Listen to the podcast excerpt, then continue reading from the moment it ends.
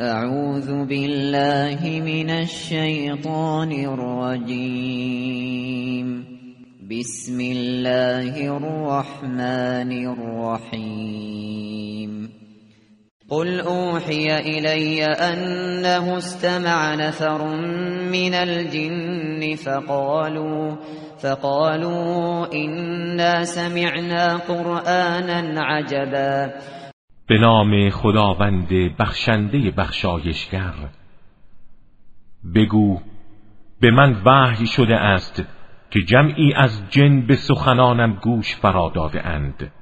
سپس گفته اند ما قرآن عجیبی شنیده ایم. یهدی الى الرشد فآمنا به ولن نشرک بربنا احدا. که به راه راست هدایت می کند پس ما به آن ایمان آورده ایم و هرگز کسی را شریک پروردگارمان قرار نمی دهیم وأنه تعالى جد ربنا ما اتخذ صاحبة ولا ولدا. و اینکه بلند است مقام با عظمت پروردگار ما و او هرگز برای خود همسر و فرزندی انتخاب نکرده است. و انه كان یقول سفیهنا علی الله شططا. و اینکه سفیه ما ابلیس درباره خداوند سخنان ناروا می گفت و انا ظننا ان لن تقول الانس والجن على الله كذبا. و اینکه ما گمان می کردیم که انس و جن هرگز بر خدا دروغ نمی بندند و انه كان رجال من الانس يعوذون يعوذون برجال من الجن فزادوهم رهقا.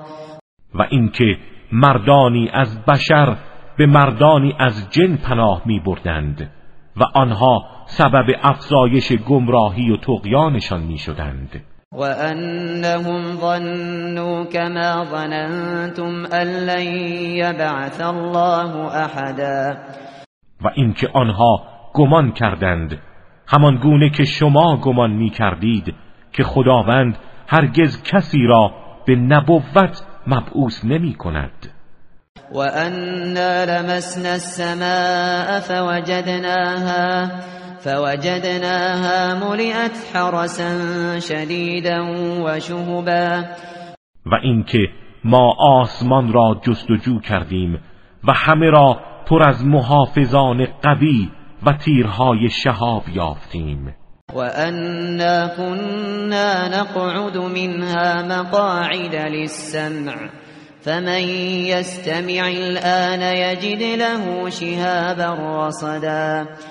و اینکه ما پیش از این به استراق سمع در آسمان ها می نشستیم اما اکنون هر کس بخواهد استراق سمع کند شهابی را در کمین خود مییابد.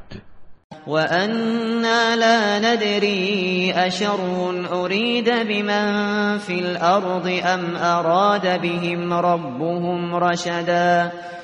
و اینکه با این اوضاع ما نمی‌دانیم آیا اراده شری درباره اهل زمین شده یا پروردگارشان خواسته است آنان را هدایت کند؟ وأنا منا الصالحون ومنا دون ذلك كنا طرائق قددا. و اینکه در میان ما افرادی صالح و افرادی غیر صالحند. و ما گروه های متفاوتی هستیم. وأنا ظننا أن لن نعجز الله في الأرض ولن نعجزه هربا. و اینکه ما یقین داریم هرگز نمی‌توانیم بر اراده خداوند در زمین غالب شویم و نمی‌توانیم از او بگریزیم. وأنا لما سمعنا الهدى آمنا به فمن يؤمن بربه فلا يخاف بخسا ولا رهقا و اینکه ما هنگامی که هدایت قرآن را شنیدیم به آن ایمان آوردیم. و هر کس به پروردگارش ایمان بیاورد نه از نقصان میترسد و نه از ظلم.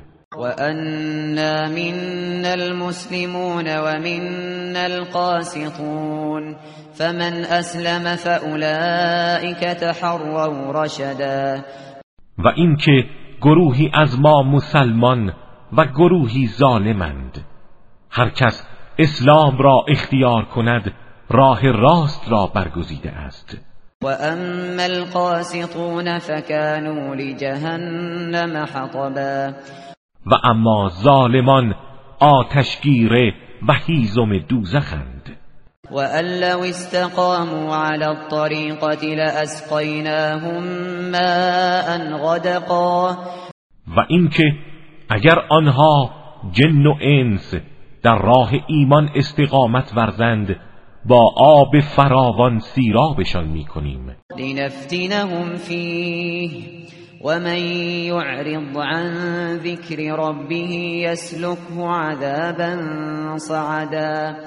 هدف این است که ما آنها را با این نعمت فراوان بیازماییم و هر کس از یاد پروردگارش روی گرداند او را به عذاب شدید و فزاینده ای گرفتار می سازد وأن المساجد لله فلا تدعوا مع الله احدا و اینکه مساجد از آن خداست پس هیچ کس را با خدا نخوانید. وأنه لما قام عبد الله يدعوه كادوا كادوا يكونون عليه لبدا و اینکه هنگامی که بنده خدا محمد به عبادت برمیخواست و او را می‌خواند. گروهی پیرامون او به شدت ازدهام می‌کردند. قل انما ادعو ربی ولا اشرك به احدا. بگو من تنها پروردگارم را می‌خوانم و هیچ کس را شریک او قرار نمی‌دهم. قل إني لا أملك لكم ضرا ولا رشدا. بگو من مالک زیان و هدایتی برای شما نیستم. قل إني لن يجيرني من الله أحد ولن أجد من دونه ملتحدا. بگو اگر من نیز برخلاف فرمانش رفتار کنم هیچ کس مرا در برابر او حمایت نمی کند و پناهگاهی جز او نمی یابم. إلا بلاغا من الله ورسالاته. ومن يعص الله ورسوله فإن له نار جهنم خالدين. خالدين فيها أبدا. تنها وظیفه من ابلاغ از سوی خدا و رساندن رسالات اوست و هر کس نافرمانی خدا و رسولش کند آتش دوزخ از آن اوست و جاودانه در آن میماند. حتی اذا رأوا ما يوعدون فسيعلمون من اضعف ناصرا واقل عددا. این کار شکنی کفار همچنان ادامه مییابد. تا آنچه را به آنها وعده داده شده ببینند.